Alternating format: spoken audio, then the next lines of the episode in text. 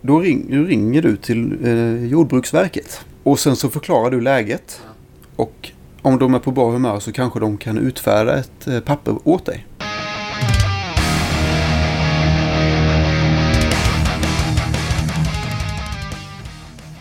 Ja, det där var väl eh, några ord som jag inte hade räknat med att få höra i Rockpodden.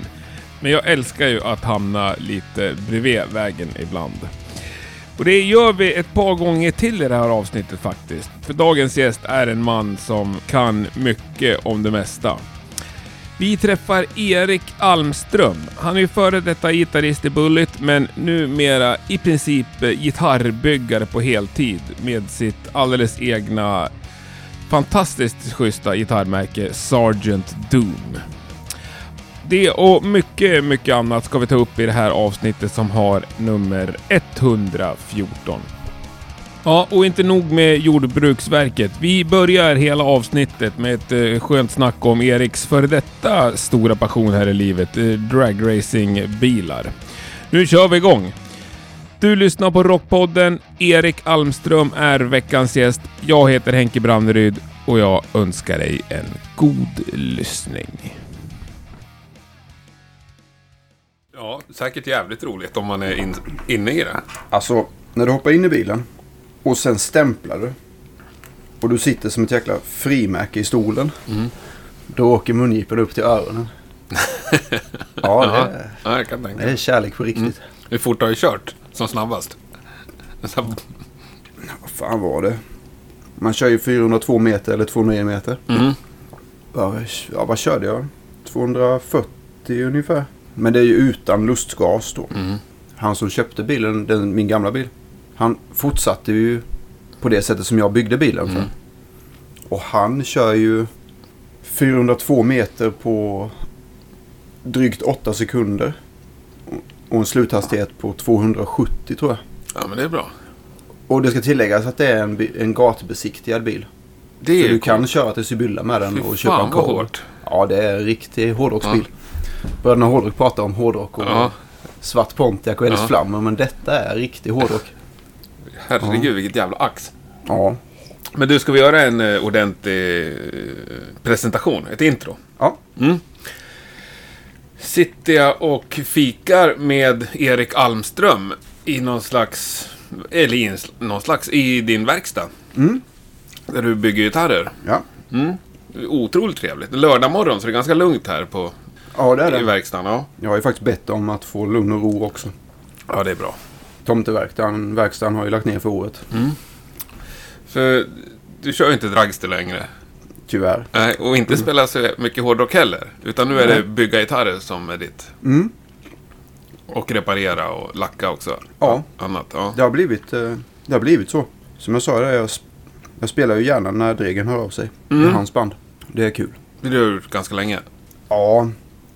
Eh, jag började ju som eh, inhoppare i hans band. Mm. Men sen har det fortsatt med att när, han ska, när det blir spelningar så hör han av sig. Och det är ju kul. Man kan ju låtarna så här. Det är ju bara att man sitter någon vecka innan och kikar igenom det. Och sen repar man ett par gånger och sen. Sen är det tjo och tjim. Underbart. Ja. Men Bullet har du stått på scen flest gånger med. Ja. Otroligt många gånger. Ja, det var många gånger. Jag var med från starten 2001. Sen hoppade jag av årsskiftet 12-13 så det är ju ja, 11, 11 år ja. ungefär. Och ni körde jävligt mycket. Mm. Massivt eh, turnerande. Och... Ja, det var det. Ja. Det var kul. Kan jag tänka mig. Jävligt mm. roligt band att titta på i alla fall.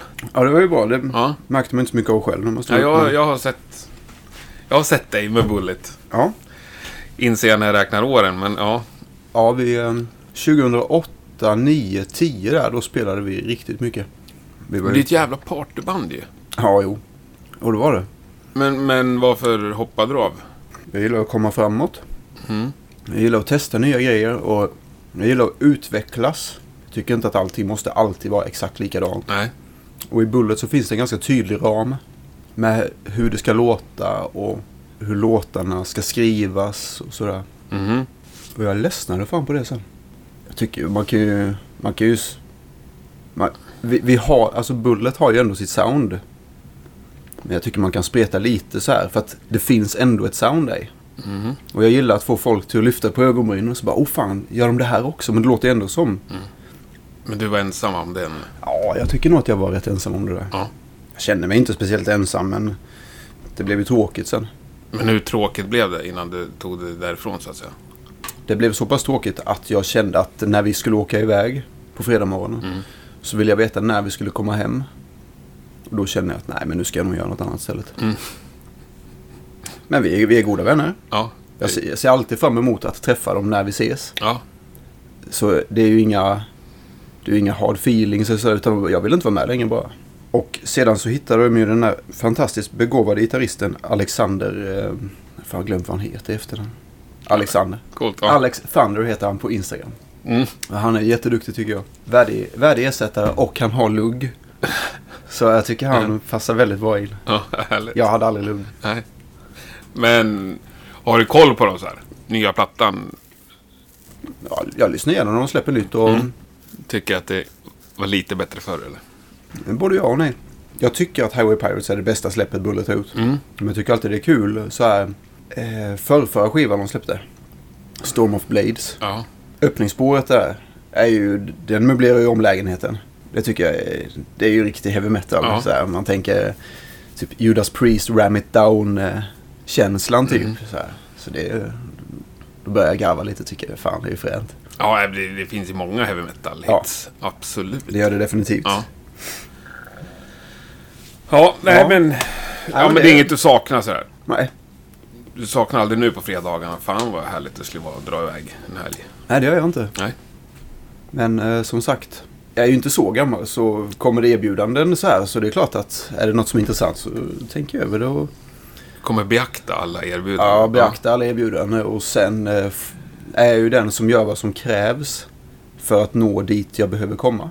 Mm. Så beroende på hur avancerat det är så får jag öva olika mycket. Men det är en jävla fin egenskap. Mm. Och det är väl lite därför du sitter här nu? Absolut. Mm. Alltså jag hade ju inte hållit i en hyvel typ sedan jag gick i sjätte klass när man hade träslöjd. Nu var det så här efter bulletinen, vad fan ska jag nu? Så här. Men jag höll på med dragracing och sen så beställde jag ju en gitarr från Busy Rich. Från deras custom shop. Ja. I, lite i samma veva och då så, då så såg jag hur de byggde och tyckte att fan vad kul det här ser ut. Men du beställde den bara för att ha den att lira på? Ja. Ja. Jag har alltid gillat Busy Rich. Sen, eh, sen när jag liksom kom till insikt med hur de bygger dem. Mm.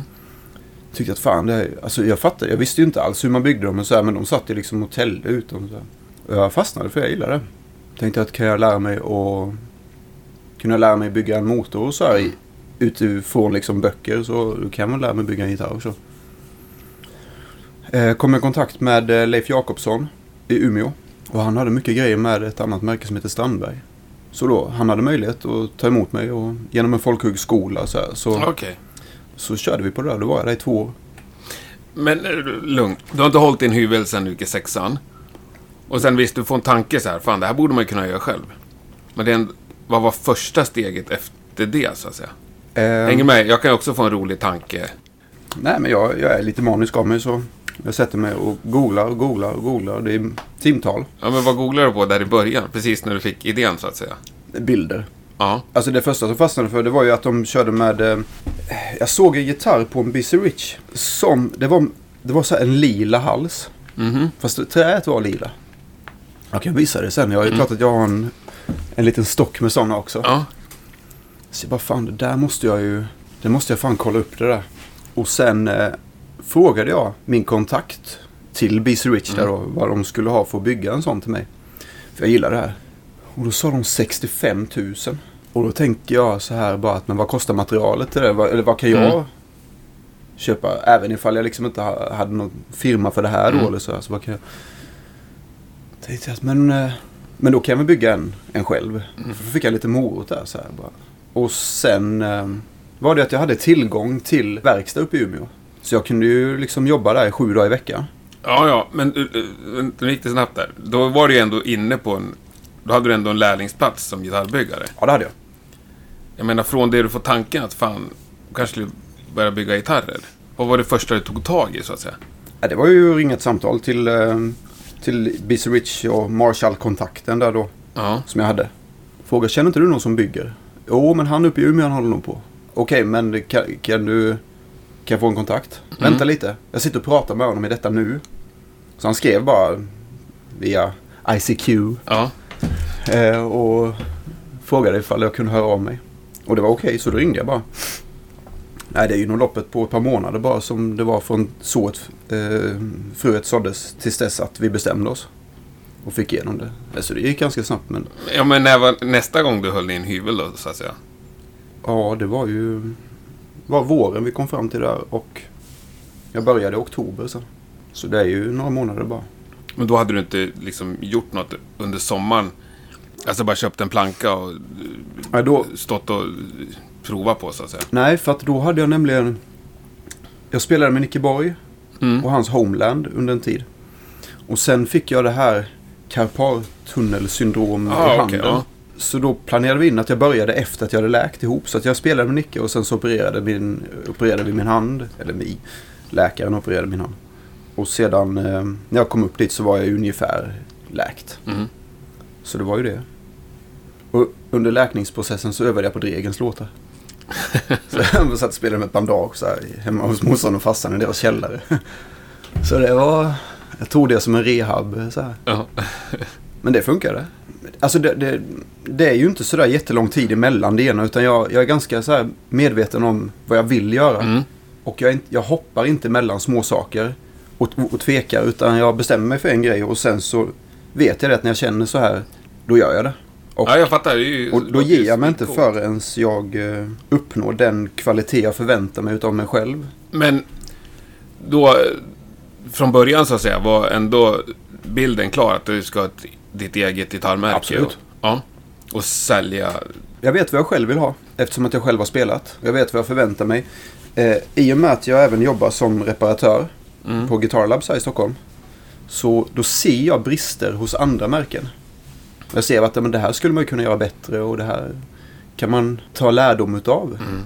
Och så applicerar jag bara det, det som jag märker Mm. och det som jag tycker funkar bäst. Sen kanske du som då eventuellt som kund liksom har en annan idé och då, Mm. då lyssnar jag ju till det. Och, Men hur stor del av liksom den bilden är uppnådd nu? Alltså, jag anser väl som... Ja, jag har kommit jättelångt. Instrumenten jag bygger blir väldigt bra. Det är ingen tvekan om den saken. Men sen är jag lite av den naturen att man får aldrig sluta vara nyfiken. Och den dagen man tycker att man är fullärd, då, vad finns det mer att göra då? Men det är liksom custom-gitarrer i en liten upplaga så att säga. Ja, Det kommer aldrig bli något annat. ja, det vet jag inte. Nej. Eh, Kommer du ha men- anställda om jag kommer hit om fyra år? Kanske. Ja. Eh, folk eh, frågar ifall jag inte ska typ eh, kontakta så här Asienfirmor. Mm. Så här, "Ja, men du måste få upp eh, kvantiteten. Mm. Men, så att, men för det första så vill jag bygga dem själv för att jag vill ha kontakten med den som ringer till mig eller mejlar till Mm. mig och är intresserad. För det andra så har man ju det här med miljön. Att jag handlar ju bara ifrån firmor som är godkända att sälja materialet. Så att jag, jag vill liksom inte stöd, alltså stötta någon som eh, typ tjuvjägare om man du förstår vad jag menar.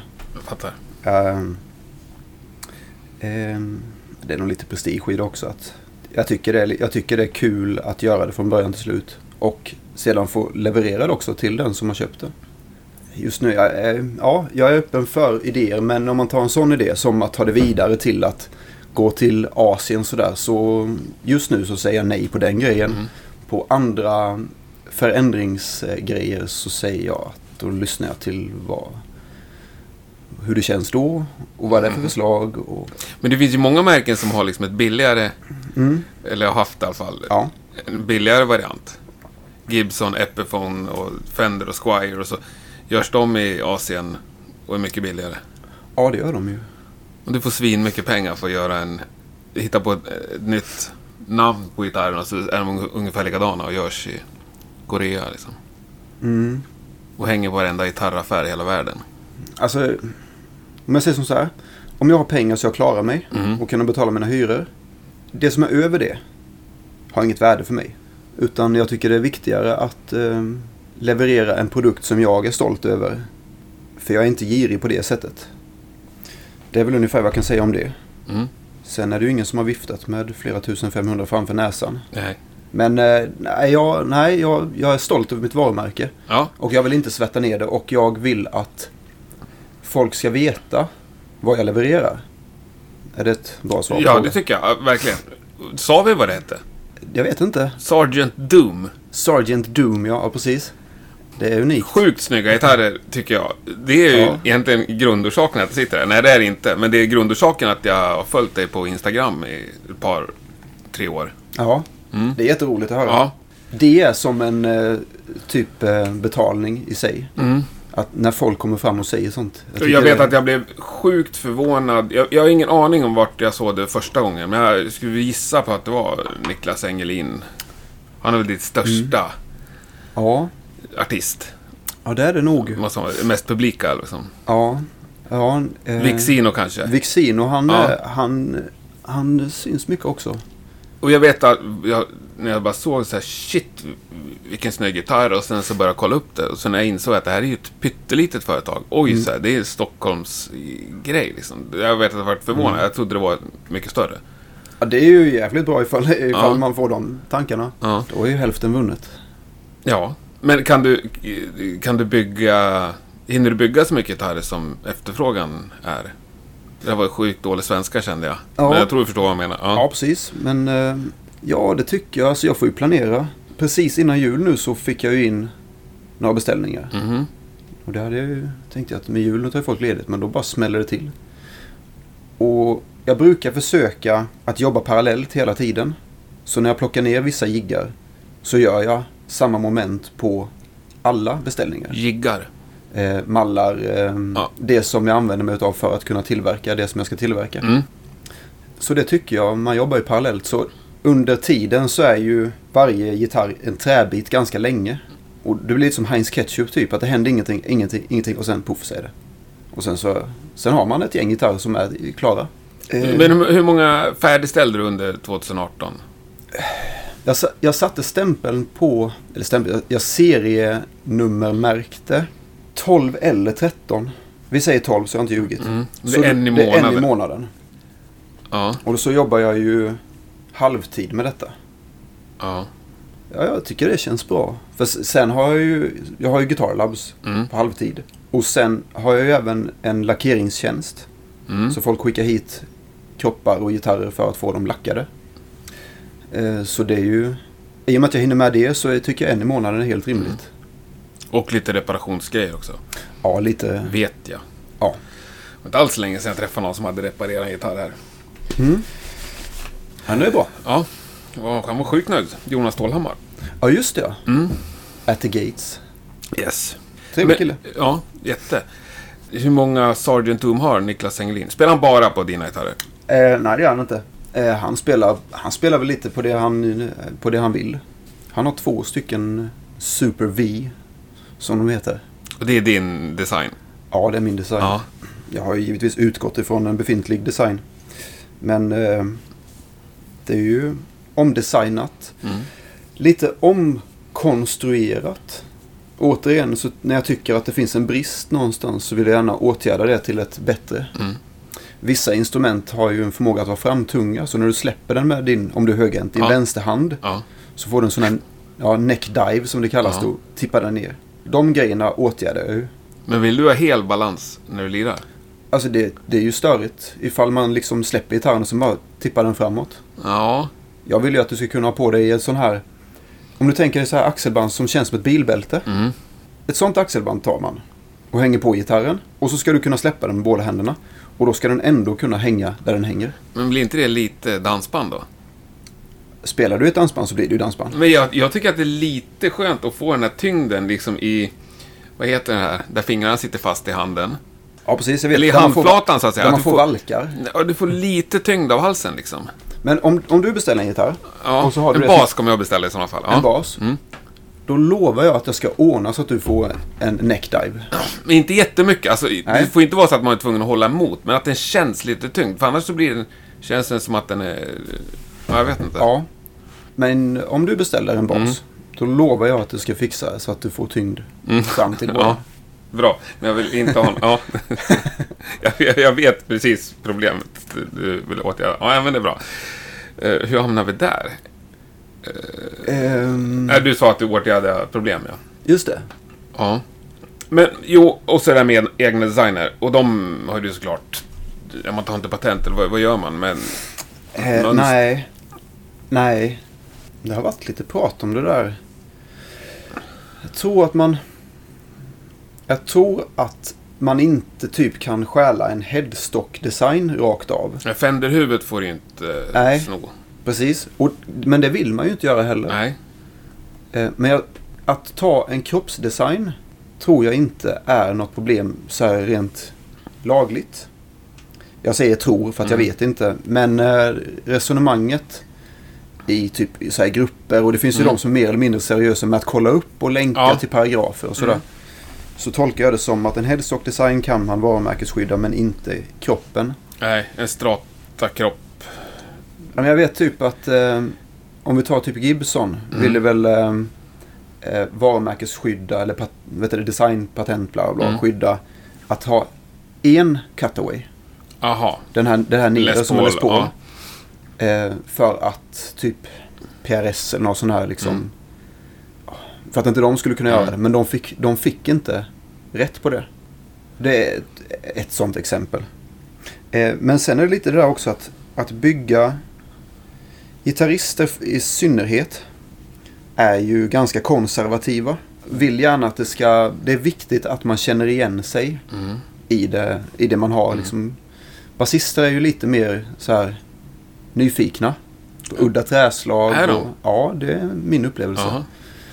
Och det som jag känner är viktigt är ju att man tillgodoser den önskan hos gitarrister. Mm. Att man känner igen sig. Ja men det är ju, det är ju en Gibson 58. Men det där känner jag inte igen. Det ser ju väldigt unikt ut. Mm.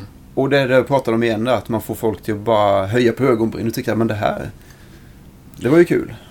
Men, men är inte alla musiker också jävligt känsliga när det kommer till varumärken så att säga? Jo, men det, Fast det är klart, litet handbyggt det är kanske mycket enklare att få folk att prova. ja, men ofta så tänker jag nog att Slash spelar på något som det står Gibson på. Tror du? Är det så det funkar? Jag tror nog att det är många som eh, liksom vill ha det, vad deras förebilder vill ha. Till en början. Och sen blir det lite att man alltid har haft det. Det är ju såklart individuellt men eh, det är ju en uppfattning man har skaffat sig genom att man träffar folk. Men vänta, nu, nu fattar jag kanske fel med Slash. Du menar att han spelar på något annat, men bara står Gibson på det? Det står ju i hans, eh, i hans självbiografi. Jaha. Ja, jag är helt oinsatt i Slash. ja. Ja. det, det står det. Det står det att eh, det är en custombyggare typ som jag. Okej. Men sen vet inte jag vad de har för något. Gibson kanske har fått betala honom massa pengar för att det ska stå Gibson på. Säkert. Men eh, ja, jag ska inte prata för mycket om det där. Nej, men, Men det- detta- funkigt. det- Skulle du ställa upp på det för övrigt?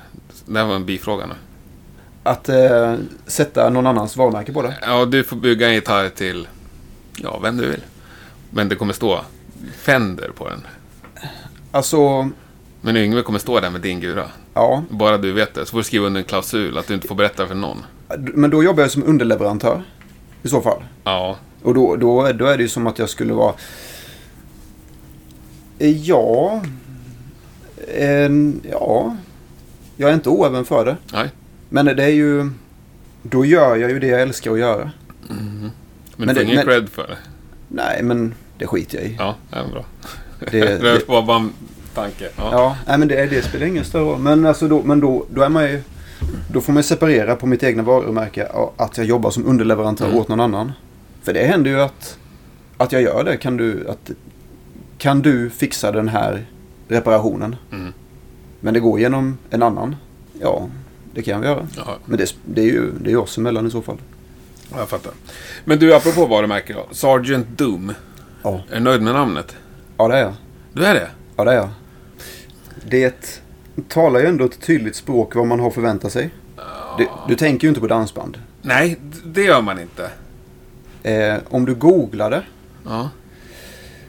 då, det finns... Om man googlar Sergeant Doom så ibland så kommer man upp lite grejer som är typ med spelet. Yes. Som har med spelet att Ja. göra. Men jag kan inte förknippa det med någon annan instrumentbyggare. Nej. Och på så sätt så är det bara för det är inte helt lätt att hitta något. Något som är liksom unikt. Så om du inte då väljer att ta ditt efternamn som majoriteten utav gitarrmärkena är. Ja. Det är ju Leo Fender eller Mm. ja, gubben Gibson nu vet jag Ja. fan inte vad han heter. Eh, de flesta har ju sina efternamn på det. Eh, men jag, jag tyckte det känns roligare att man gör. För eftersom att jag inte har ett eget band att spela i nu. Mm. Då ser jag lite detta som mitt band. Jaha. Fast det är ju från en annan vinkel kan man säga. Mm. Och det försöker jag utveckla på ja, lite samma vis. Mm. Det kanske blir ett band i framtiden också. Sergeant Doom-bandet. Ja, precis. Ja. Det är liksom genrebefriat, genrelöst. Så det blir liksom vad man vill och det är olika medlemmar kanske. Och ja. det är lite vad man får för idéer. Det har jag funderat på men jag har inte kommit dit ännu. Nej, nej men, det låter bra. Men hur, hur, var kom namnet ifrån? Som gammal street racer så gillar man ju att racea på gatan. Och sen en gång när jag skulle stå i ett rödljus i Växjö så, så skulle jag racea lite och då fick jag sånt jävla hjulspinn. Och jag, jag kunde inte hantera det. Så jag smällde med en buss. Och det var så här typ att det var ju rusningstrafik. Och mitt i en korsning. Skitsmart att börja racea där. Ja, ja, det tycker jag också. Ja. Alltså man tänker inte så då för du vet när hornen växer ut så då får man tunnelseende. Ja. Och det, det handlar ju om en, en livsstil. Det här. Illegal dagsracing. Ja, och ja, det, det finns ju bara på och mer på om man så säger. Så jag stämplade och det var friskt vågat hälften vunnet. Men jag förlorade. Men det var något annat som kom ur det. Men jag tyckte att... Så du smällde med en buss? Jag men- smällde med en buss och det, det kändes som att jag liksom, det var en domedagsmaskin jag körde med. Så här. Och så började jag kalla bilen för Sergeant Doom. Så det var där och detta var 2006. Okej, långt innan gitarrerna? Ja, det var det. Sen följde det med hela tiden där Sergeant Doom. Jag vet under jag och Jonas Granvik från Sweden Rock-tidningen. Vi pratade om att göra en liten... Jag tror Vixin också var lite inblandad i det. Vi pratade om att göra en serie på så här sex rutor. Mm. Typ där Sergeant Doom var liksom eh, brand, musik, eh, alltså turnerande musikers räddning typ som en superhjälte. Okej, ja. Och eh, Rolig idé. Ja. ja, och då vet jag Dregen var ju en ärkeskurk typ så här Doktor Egen. Och sen så hade jag ju Chevellen där då som jag liksom, jag, jag for emellan liksom giggen för det som så här musikindustrin inte kan ta ifrån oss turnerande musiker det är ju faktiskt livespelningar. Mhm. Alltså det var en massa sådana spånande idéer men det rann ju ut i sanden såklart. Och sen fick jag en kille att laserskära ut så här Sergeant Doom-logga. Mm. Som Marshall-logga ungefär. Mm. Och så satte jag det på alla mina Marshall-förstärkare. Bytte ut Marshall mot Sergeant Doom. Så det, det liksom gick. Det gick med lite Mm. överallt. Och detta var ju fram till 12 ungefär. Sen började jag ju med, med byggena Mm. som lärling.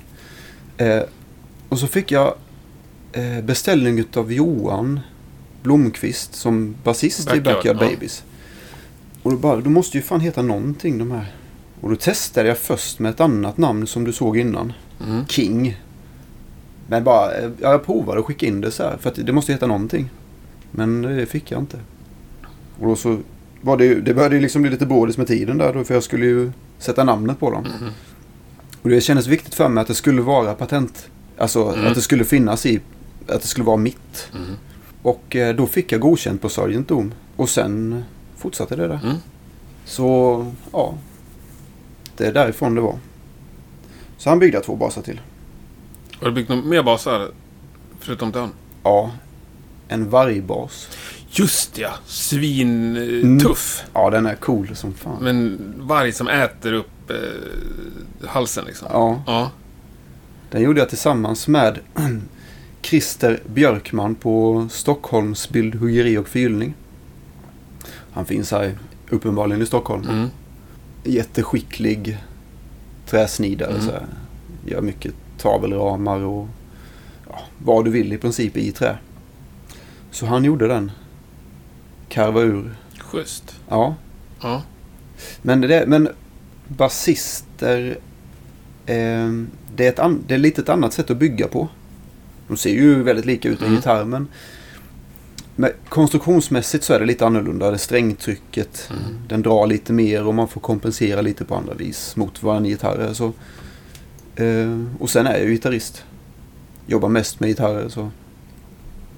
Och det säljs väl fler gitarrer? Alltså det är ju mycket, mycket större marknad om man tänker. Ja. antar jag. Ja. Det går ju... Alltså jag bara plockar ur luften men 20 gitarrister på en basist känns det som. Och normalgitarristen har 10 gitarrer minst. Även en vanlig hobbygitarrist liksom. Ja, många gillar det där. Men basister kanske nöjer sig med 3-4. Ja, Det är kan min vara så. känsla. Ja. Och ska de spexa till ordentligt så har de ju fem strängar. Ja. ja, Ja. ja, det ska man inte ha. Nej, det ska man hört. inte ha. Nej. DAD-basisten har ju bara två. ja. Ja, det räcker bra för han. Men han har Mm. jävligt många basar. Ja, det har han. Ja, Knasiga basar. väldigt Ja. knasiga. Ja, men eh, den här frågan jag har en känsla av att du får lika ofta som folk frågar mig vilken som är min drömgäst. Men vilken är drömartisten att se på scen med en Sergeant Doom? Jag har ju dem. Du har det? Jajamän. Mhm. Jag är jättenöjd. Det är lite... Ja, vilka är det? Namedroppa lite mer då. Jag känner egentligen bara till Vixino och Ja, Niklas Vix- Engelin. Ja, Vixin och Niklas Engelin. ehm, Johan Blomqvist. Medvetet val. Mm. Jag får ganska ofta förfrågningar som jag misstänker att du också får med podden och Mhm. gäster. Och jag vill ha tid. De jag väljer att eh, liksom samarbeta med så här. Jag vill alltid känna att jag kan släppa. För jag vet att när man är ute på turné så kan det bli brådis ibland. Mhm.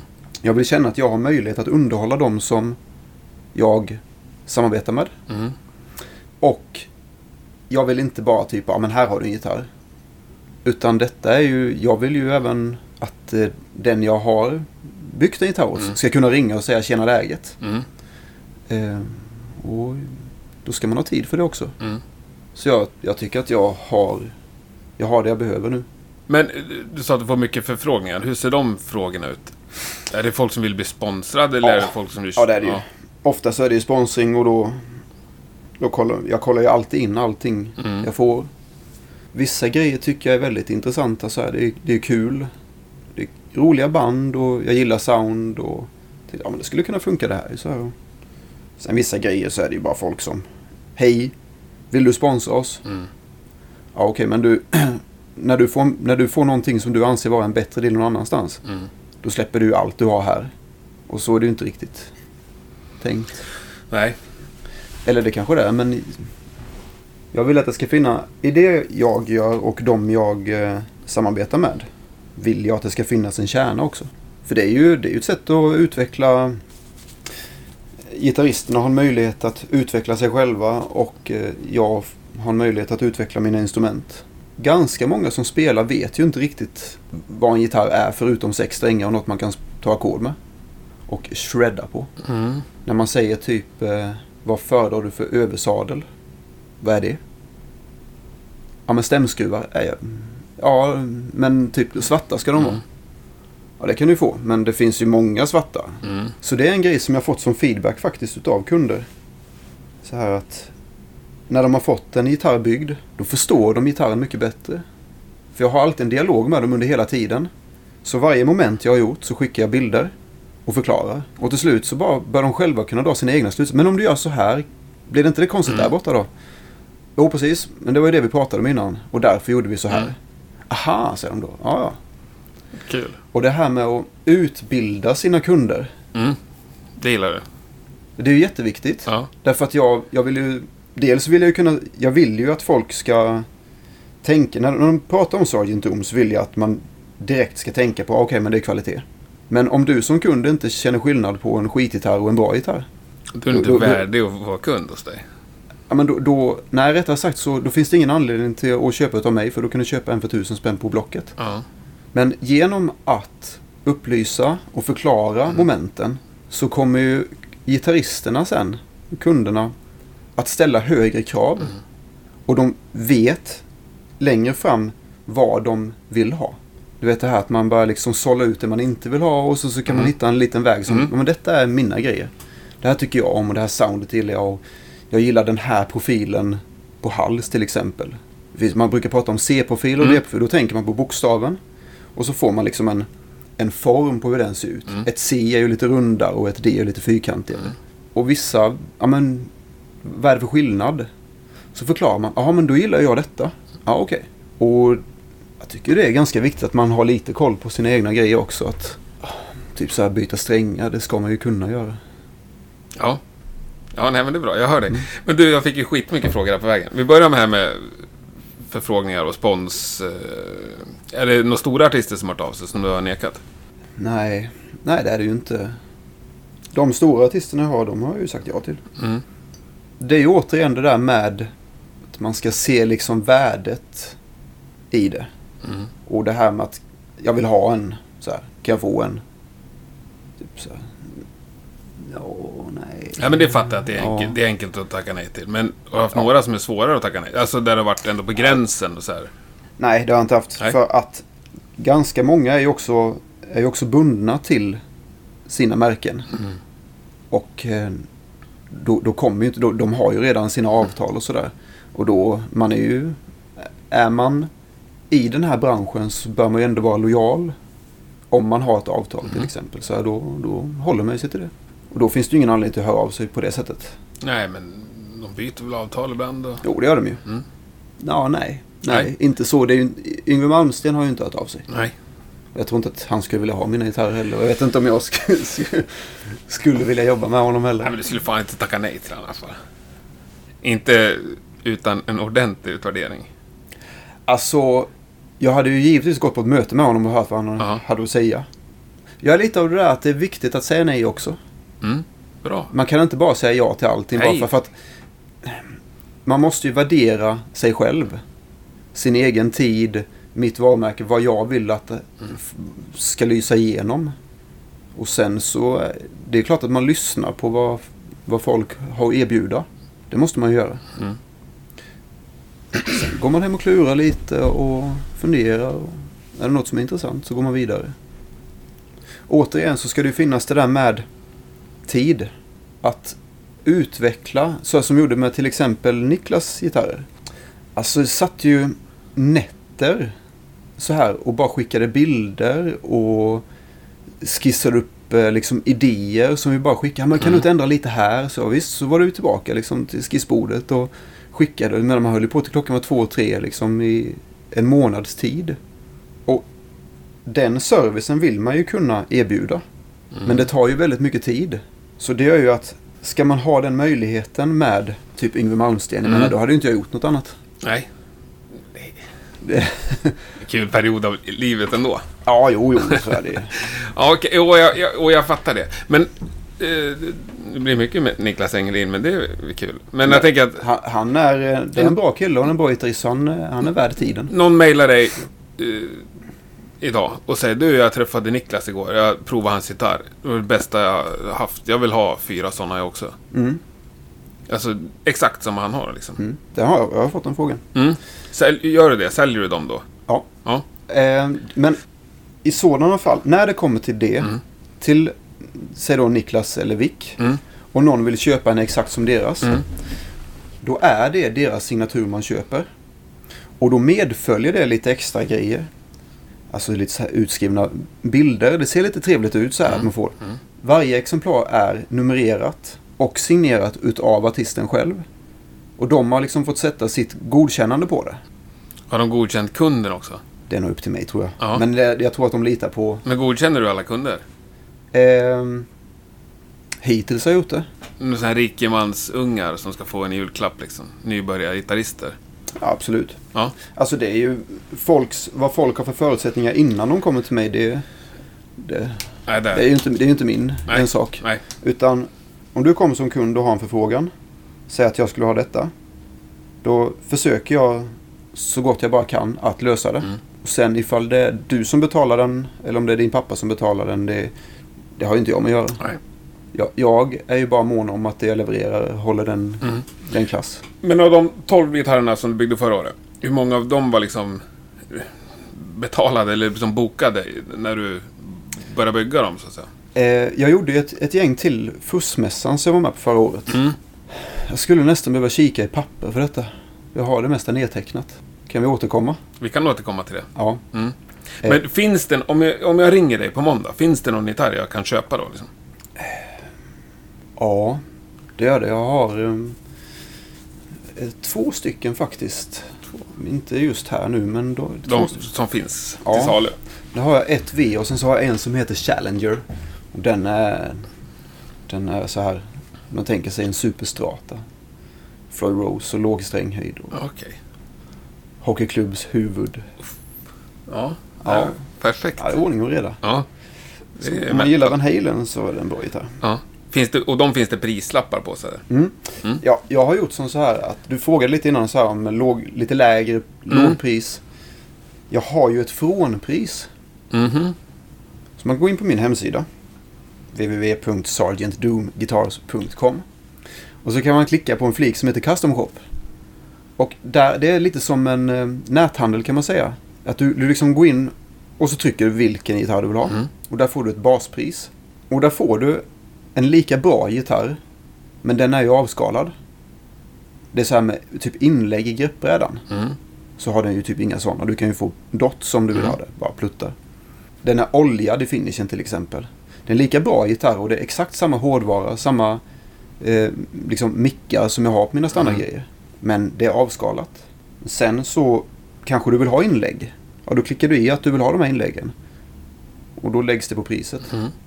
Så det är så man håller på hela vägen tills man är färdig. Och då får man ett pris längst ner. Men vart ligger från priset? För det är inte hemligt antar jag? Nej, det är det inte. Eh, euro kör jag på så att majoriteten förstår i världen. Ja. 28,65. Så det är ju typ... 30? Ja, det är inte 30, det är 29 ungefär. nu. Ja, men ungefär 29. ja. Där börjar vi. Där börjar vi. Mm. Ja, Ja, men det är väl rimligt. det tycker jag definitivt. Med tanke på att, med tanke på att du själv kan vara liksom, du själv är involverad Mm. i det. Så det är det definitivt. Men du, jag får ju så jävla mycket frågor. Men just det här att behålla kontrollen. För det läser jag in i det du säger, att du vill ju ha lite kontroll. Mm. När det kommer till mickar till exempel. Skruvar du i det kunden vill ha? Eller har du preferenser på det? Eh, nej, alltså som custom shop så försöker man ju tillgodose dina behov. Mm. Jag brukar alltid rekommendera Lundgren pickups. Mm. Svensktillverkat. Skitbra. Ja, jättebra mickar. Jag menar, det är ju... ja, Bara för Meshuggah spelar på hans Mm. mickar till exempel när vi ändå är inne i den här. Jättemånga gör alltså, Ja. De har ju verkligen lyckats. Ja. Görs ett världsnamn nu.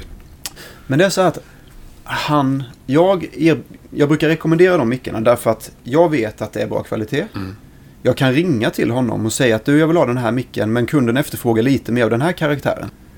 Och han, precis som jag, han är inte omöjlig där heller utan han försöker ju tillgodose liksom vad jag vill ha. Och vad kunden då efterfrågar. Och jag, jag gillar liksom att man kan ringa, jag kan ringa typ en lördag till honom bara. För att vi har en god relation. Mm. Och det är ju det jag värdesätter, en god relation. Jag kan ringa och sen det finns en personlig service, jag vet vem det är jag pratar med. Nu har jag två beställningar med EMG-mickar. Absolut. Vill du ha det så fixar jag det. Mm. Det är ju bara att du säger vad du vill ha så, så fixar jag det. Ja, men det finns inget där du, där du känner att nej, fy fan, det här kommer ju låta skit. Det här gör jag inte. Alltså, nej inte i det här fallet. Nej. Så jag inte det. Du är ändå öppen för att vi kan tycka olika, så att säga. Ja, absolut. Ja. Det är ju... Mitt mål är att du ska bli nöjd. Mm. Sen, sen så kommer jag se till att gitarren blir bra att spela på. Mm. Och att den kommer hålla kvaliteten. Men om du tycker... Om jag tycker att någonting låter skit och du tycker det låter skitbra. Då är det ändå du som har rätt. Mm. I det här fallet. Däremot kan vi tala om träbitar och sånt där. Liksom, jag känner att den här kommer... Du kommer till mig med en, en träbit som du tycker är jättefin typ. Ja, Men jag säger att men den här träbiten kommer inte funka som halsämne för att den är för, den är för svag för det. Då kommer jag inte göra det. nej. För att då... Då har ju du ett kunnande. Då är det ju... Annars är det ingen idé jag kommer till dig. Nej, precis. Jag Men jag skulle kan. jag göra det där Mm. och det blir en dålig gitarr och sen så ty- tycker du den är bra. Men alla andra 20 som spelar på den bara säger vad är det här för någonting? Mm. Det är ju inte så bra. Nej. För då kommer det skrivas på Facebook sen att det är att jag är en slarvpelle. Mm. Och det vill jag ju inte. Nej. Det vill man inte. Absolut inte. Men vad jobbar du med för träslag? Ska vi nörda ner oss på den nivån? Ska vi ta, vi kan ta lite grann. Jag gillar att använda europeisk lönn till halsämnen. Ehm, så här metalyxor ofta har lönnhalsar. Men oftast så har de amerikansk lönn. Men jag tycker att den blir lite för hård. Och den är lite tyngre. Så jag tycker europeisk lönn, det är aldrig några problem att få tag på fina bitar. Inte något så här typ eh, hotat träslag utan det växer ju som ogräs. Mm. Det tycker jag är jättebra som halsämne. Sen gillar jag att jobba med al till kroppsämne. Och det är också så här om man gillar Fender eller Jackson eller något sånt där så har de också det ofta som sina standardgrejer. Det väger inte så mycket. Det, det tycker jag är en, ett bra utgångsläge. Eh, sen kanske man tänker att mahogny anses vara lite lyxigare. Då kanske man vill ha det. Och det går jättebra det också. Mm. Men då blir det tillval. Greppbräda? Eh, där är jag lite nu att Ebenholts är ju lite vad folk förväntar sig i de här sammanhangen. Jaha, ja, ja. Och det är också så här typ med Jacaranda då, Rosewood och sånt Mm. där. Att det har blivit lite mer strikta eh, regler på det. Ja, men det där har jag läst massa forum om. Att man inte får ta in det eller åka över gränser med det. Och, Eh, jo, det får du göra men du måste ha... Vi ska, vi ska separera på Brazilian Rosewood Mm. och East Indian. Och hur ska jag veta vad jag har i min gitarr hemma? Liksom? Det brukar man oftast kunna se. Jag kan visa lite. Jaha, titta på träbiten. Ja, precis. Man kan titta på det. Okej, ja. Eh, och sen när man jobbar med det så... så ja, det luktar ju lite olika. Mm.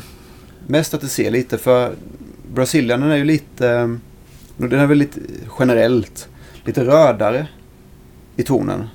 Och East Indian brukar vara lite mer lila i tonen. Men vilken är det du inte får förflytta? Eh, ja, det är väl Brazilian vi pratar om då. Ja, och- Men har du, har du papper på det? Ja, Då är det ju bara... men då ska jag ha ett kvitto. Alltså jag har ju en 60-tal liksom. Det hittar jag inga kvitton på. Då, ring, ringer du till eh, Jordbruksverket. Och sen så förklarar du läget. Ja. Och om de är på bra humör så kanske de kan utfärda ett eh, papper åt dig. Men det här är någonting som alltså, folk gör. Absolut. Ja, grejen är att Är, är det folk som blir stoppade i tullen? jag har aldrig hört, eh, jag har aldrig hört det. Men däremot så vet jag för ett tag sedan att det var en gitarr på Blocket som, som hade en Rosewood-bräda. Mm. Och den blev beslagtagen. Är det sant? Ja. För jag vet, var det förra året eller för förra som den här infördes? Detta Regeln. har, den här regeln, den här med Brazilian, det är nog... Eh, återigen så får vi skilja på Brazilian och East Indian. Ja, Okej, ja. Brazilian, jag, tror det är från 90 någonting. Jaha, men det kom ju något. Ja, och nu. det är ju East Indian. Och det har vi ju att tacka våra kinesiska möbelhantverkare för. Mhm. De eh, gör mycket möbler utav det. Och det är typ ett utrotningshotat träslag. Det är ju på lista B. Brasilien är på lista A. Där är det ju verkligen nitiskt. Mhm. Om man där på lista B så är det ju liksom på gräns, i gränslandet. Så där fick man liksom, nu har jag ganska mycket East Indian Rosewood.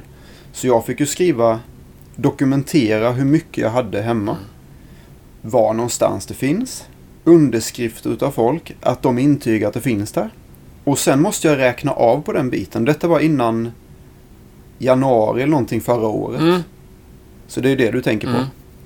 Men då är det inga bekymmer. Och sen så får jag liksom informera dem om det och sätta papper på det så här att det är taget härifrån och ja. Så det Och vad har du fått det ifrån liksom? Jag köpte det ut av Jan-Olof Helge på eh, gamla Helgeshåla. Han hade en ambition på tidigt 80-tal att bygga. Okej. Men det blev aldrig av att han gjorde det. Så då fick jag köpa detta för, jag köpte detta för typ 3-4 år sedan. Utav honom. Så det var ju inga konstigheter med det. Nej. Nej, men det är ändå lite som någon slags droghandel, låter det som. ja, det kanske det är. Ja, ja. Det kanske det är. ja jag tycker att det är lite kul. Man blir liksom high on life när man kollar på träbitar. Så. Ja, underbart. Vilken är den dyraste träbit att jobba med? Jag har en topp här. Alltså en topp det är någonting man lägger på eh, framsidan på kroppen kan man säga. Mm. Locket liksom. Ja, precis. Den är väldigt så här, det, det kallas för quilted maple. Så här, det ser ut som bubblig lönn typ. Ja. Väldigt, väldigt djup i det. Eh, den beställde jag åt en kund. Den var fan inte gratis. Man kan ju snacka liksom, alltså sådana här grejer då, 5000 spänn liksom. För, För alltså riktigt fina, alltså då, som är jämna, inga... men hur stor bit då liksom? Eller pratar vi kilopris eller vad? Nej, nu pratar vi ju bit. Då kan de vara en halv meter långa och 30-40 centimeter breda typ. För att de ska täcka en gitarr. Mm. Men det ska väl tilläggas också att jag, jag kan ju fixa sådana här, alltså så här typ dyr, dyra träslag och sådär. Men då är man inne lite på en kategori som man kallar för boutiquegitarrer. Och det är ju lite så som typ PRS och de här. Mhm. Det, jag är ju Jag är lite där och nosar. Men jag är ju lite mer så här att gitarren ska ut och spelas med. Jag, jag tycker att det är en arbetshäst. Mm. Det är ungefär som snickaren har sin hammare och så här. Det är så det ska användas. Det är liksom det andra är lite så här man hänger på väggen och inspekterar och sen så har du det till dina herrmiddagar och visar upp, kolla här nu och sen så när du går ut och giggar så tar du din andra gitarr. Ja. Så, nej men det är, det är, väl, det är väl den biten som jag har då annars. Mm. Så jag kan fixa, men det är inte det jag gör hela tiden. Nej, jag fattar. Det här, det ska ju, det ska ju ut och användas. Men hade du ett intresse för det här innan? Jag är sjukt impad av att det bara är några år sedan egentligen du började bygga gitarrer. Ja, Hade du Nej. ett intresse för träslag och... nej, Nej? Nej. nej, det var trimmade V8. Mm. Men nu är du genuint intresserad av... Ja, definitivt. Ja. Jag tycker det är skitkul. När jag får lite tid över så här och jag innan typ så här, ibland innan jag åker hem Mm. ifrån verkstaden. Då kan jag liksom gå upp och bara... Till de beställningarna man har ta- tagit in. Att man går och väljer ut så här. Att man går och Mm. knackar lite på, på eh, halsarna och kropparna och sen greppbrädan. Och sen så försöker man matcha ihop det vad man, vad man tycker att eh, det här kommer det liksom, detta kommer bli det bästa resultatet. Utefter vad de frågar också. Mhm. Och det är ju en passion. Det gör jag som en avkoppling. Går och knackar på träbiten. Ja, Ja. det är lite så här. Det, det är tur att jag har. Det är tur att jag träffar folk Ja. på dagarna. För att annars så kan man ju bli jävligt kul om man bara springer runt i en verkstad och knackar på träbit. eh, det är viktigt. Ja. Sen är det också det här med. Man får inte göra det för mycket. För då blir det inte kul heller. Man gör det lite ibland så här när man känner att nu vill jag göra det. Mm. Som after work liksom. Ja. ja, exakt. Nosa på en träbit och... Men hur ofta, du visade mig någon hals som hade slagit sig lite så här. Hur ofta händer det att du ändå plockar bort delar, alltså Det- kroppar, Det som bara inte, inte klarar knacktestet? alla bitar jag köper köper jag ju från en firma som är specialiserade på kunder som mig. Okej. Så alla grejer jag har är ju bra ämnen. Men det som inte lämpar sig för en greppbräda till exempel. Mm. Det använder jag till någonting annat istället. Okej. Som jag ändå kan använda till instrumenten. Mm. Man måste ju alltid liksom se till att alla bitar man införskaffar håller en, en hög nivå. Därför att det, det, det kan ju... Har man otur där då om man inte skaffar grejer som är bra. Då kanske det liksom uppdagas sen när den har kommit till dig. Mm. Så till exempel när jag, när jag gör en hals. Då gör man ju ganska stora ingrepp på den. Man Mm. eh, kapar bort trä och sen fräser man. Och sen vill man ha en liten kanal under greppbrädan. Man kan ha den lilla dragstången man kan Mm. justera halsen med. Alltid när jag gjort alla de momenten. Då får, all, då får halsen, den får stå en, två veckor sen. Bara för att den liksom, så att jag ser att här händer inget. Nej. Som jag gjorde med den du fick se innan. Mm. För um, dels så hinner den anpassa sig till sitt, sin Mm. nya form om man säger så. Eh, dels så hinner jag se ifall den har tendenser att dra åt något Mm. håll. Men det är bara den gången som det har hänt. Ja, men det är ju schysst. Vilket är absolut roligaste momentet liksom? Från beställningsmejlet till att den är färdig. Förutom överlämningen. Det tycker jag är det roligaste. Ja, själva barnmorskebiten Ja, så att säga. här, varsågod. Ja, Och eh, alla har varit väl, all, alla har varit wow. mm. Så jag tycker att det, det jag har inte fått någon dålig, någon dålig eh, liksom, något dåligt mottagande om man säger så. Du förstår vad jag menar? Mm. Eh, jag tycker det är, alltså när man pratar om en byggprocess. Så från det att det är fyrkantiga träbitar tills att man kan se att nu är det en gitarr. Det är kul. För att då börjar, liksom, då börjar det hända lite. När man bygger gitarrer så är ju gitarrer är träbitar väldigt länge. Och sen när det blir en gitarr, då lämnar man ifrån sig den. Ja. Så därför, när det blir att man kan se att nu är det en gitarr. Mm. När man har format halsen och det känns så här bara att ja, fan, det, det blir bra det här. Det är kul för att då har det hänt ganska mycket. Men då sitter du och känner på den också, som en gitarr. När det blir en gitarr, då kan du börja känna på Ja. den. Liksom, sätta den i knä, så att säga. Precis. Ja. Och då känner man ju lite så här. Ja, nu vill jag nog plocka bort lite mer därifrån Mm. halsen typ. Provsträngar upp dem någon gång under processen? Absolut. Ja. Det man provstränger upp dem och känner att det funkar och sen eh, ja, att allting har kommit liksom Mm. att det har blivit bra gjort. Mm. Att stallet har kommit på rätt ställe och vet, så att man, man vill ju ha att st- eh, strängarna, yttersta strängarna ligger liksom centrerat på greppbrädan. Mm. Man kollar lite sånt där och man... Ja. Det är bara lite så här en eh, quality control kan man säga. Men jag tänker det är ändå en ganska bökig process. För nu tänker jag innan det är lackat, innan det finns mickar så liksom ska du på med ett stall och stränga upp och så här. Jo, så är det ju men jag är inte lat. Nej. Fan vilken, vilken jävla tur. Ja. Ja. Men när den är helt färdig, hur är den känslan innan du lämnar iväg så att säga? När det är helt klart och du strängar på och stämmer upp. Mm. Eller stämmer ner kanske det heter. Ja. Är det skönt eller är det sorgligt liksom? För då vet du att du blir av med barnet. Det är jätteskönt. Ja. Ehm, jag bygger ju. Då, och, men då kopplar du in den och kör Ja, på riktigt. Absolut. Vad spelar du för något då? För förstärkare. Eller för... Ja, nej. vilket riff. Ehm, när jag spelar clean sound och testar en låt så brukar jag spela Hey Joe och Little Wing med Hendrix. Ja. När jag spelar metal riff så ibland spelar jag Master of Puppets. Aldrig fel. Nej, det är aldrig fel. Nej. Ehm, jag brukar spela eh, Symbolic med Death. Den öppningsspåret eh, på Symbolic-plattan med gruppen Death. Ja, ja, ja. Nej, det är för, för sen death För- för mig. Ja. Ja, men det, ja, jag kan nog plocka ut några gamla spiritual healing-låtar också. Ja, bra. det, det, jag var ju lite death-manisk ett tag så jag satt och plockade ut den skivan. Ja. För, Jävligt bra platta. Ja. ja, den är cool. Så det, det kan jag nog lära mig på en liten stund om jag sätter mig. Ja. Eh, ja, det är väl de grejerna. Jag försöker, man spelar ju lite samma. När man pristar upp den så här så spelar man det man är väldigt van vid. Mm. För då har man alltid en referens. Så att ja, det är liksom bara... Men jag tänker ändå att det finns något fint i den stunden. Och det är lite viktigt vad man spelar. Ja, det är ju... Ja, ja det är det ju. Ja. Men Eller det är bara jag som tänker så? Nej, Nej. eh, det tror jag inte. Alla låtar, jag, alla låtar, alla de, de som jag nämnde där. Mm. Det är ju bra låtar. Ja, absolut. Så det är... Ja, men det är en kul stund det också. Man, Ja. man sitter där, man har en halvtimme över och bara liksom klinkar. Mm. För det, det måste man ju, alltså det, det är ju viktigt att man gör det. Att man eh, tar tag i gitarren och lirar skiten ur den. Mm. Så att man märker att ja, men det här funkar. Det, Mm. Den tål att användas. Men hur många gitarrer har du, finns det med Sergeant Doom-loggan på? Ute i världen. Återigen så behöver jag nog räkna lite där, men det är nog 25 skulle jag gissa på. 25. Ja, det tror jag. Alltså jag är ganska flitig Ja. på det sättet. Jag har, jag har ju alltså Hallesta som står här, Mm. där vi är nu. Det är ju bara det är ju en... Jag har nog 10 stycken halvfärdiga.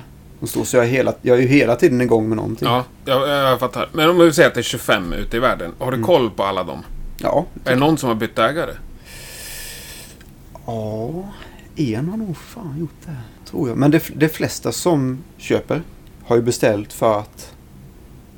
Har den ja. Ja, precis. det, det förstår jag. Men eh, tänker ändå Ja. att någon gång så kommer det ju bli så att någon av en eller annan anledning säljer den vidare. Och det tycker jag är great. Det är Ja. bara... Det är bara... Och det måste Köp och vara sälj. sjukt spännande för dig att få se ett andrahandsvärde, tänker Mm. Ja, eh, ehm, nu har jag inte fått sett några priser men... Ja, återigen, det är upp till dem. jag. Ja. Det är, upp till, det är upp till dem. Jag kan ju se utifrån vad det skulle landa på ifall det, ifall det är ett eh, bra eller dåligt betalt. Mm. Jo, men samtidigt. Gitarrer som en gång var jävligt dyra när de lämnade fabriken. Mm. Av vissa anledningar tappar ju sitt värde. De anses ju inte Nej. coola eller bra längre. Men det är också så här att det är sådana, alltså etablerade varumärken, de, de, har ju, de har ju sina namn redan. Ja. Om man tänker på typ, om vi går tillbaka på riktigt så här så var det ju Charvel Mm. som, han hade, jag tror att han hade en rep, repara, reparationsverkstad.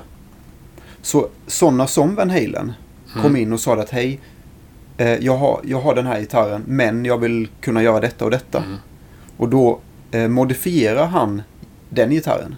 Så han är ju inte byggare i grund och botten. Ja, okej. Utan han började som en reparatör som var med och modifierade.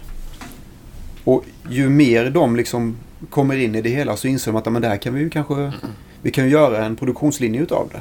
Och sedan så kommer Jackson, och Grover Jackson och jobbar med Wayne Charvel. Randy Rhodes kommer in dit och har en helt galen idé att han vill ta ett Gibson-V och bara göra det mer strömlinjeformat och så att det tillgodoser hans behov. Mm. Och då bygger de den här gitarren men de sätter Jacksons namn på den. För de vill inte om det skulle bli så att det blir ett dåligt rykte så vill de inte paja Wayne Charvels varumärke. Och då så sätter de Jackson på det istället. Och där har man ju där har det ju börjat. Men nu har de, de har liksom, det ju, vi snackar ju 70-tal, Mm. tidigt 80-tal. Och det finns ju så många, jättemånga gitarrer utav Ja, dem. och Charvel var ju svindyra ett tag. Ja. Men de har ju tappat sitt värde lite. Ja, och det är mycket annat som, som spelar in också. Vem spelar på Mm. din gitarr till exempel? Alltså, det är också så här sådana grejer. Men ja, Ja, nej, jag förstår. Såklart. det är... Lacoste var inte skitnöjda när Breivik gick runt i Lacoste-kläder till exempel. Nej. Apropå samma varumärke. Ja, precis. Bara fan också. Nej. Nej, Nej. Han, nej han var ju otrevlig. Ja, ja det var han. Ja. Nej, men fan vad roligt. Det kändes ju skittrevligt det här. Ja. Tyckte jag. Ja, det tycker jag också. Ja.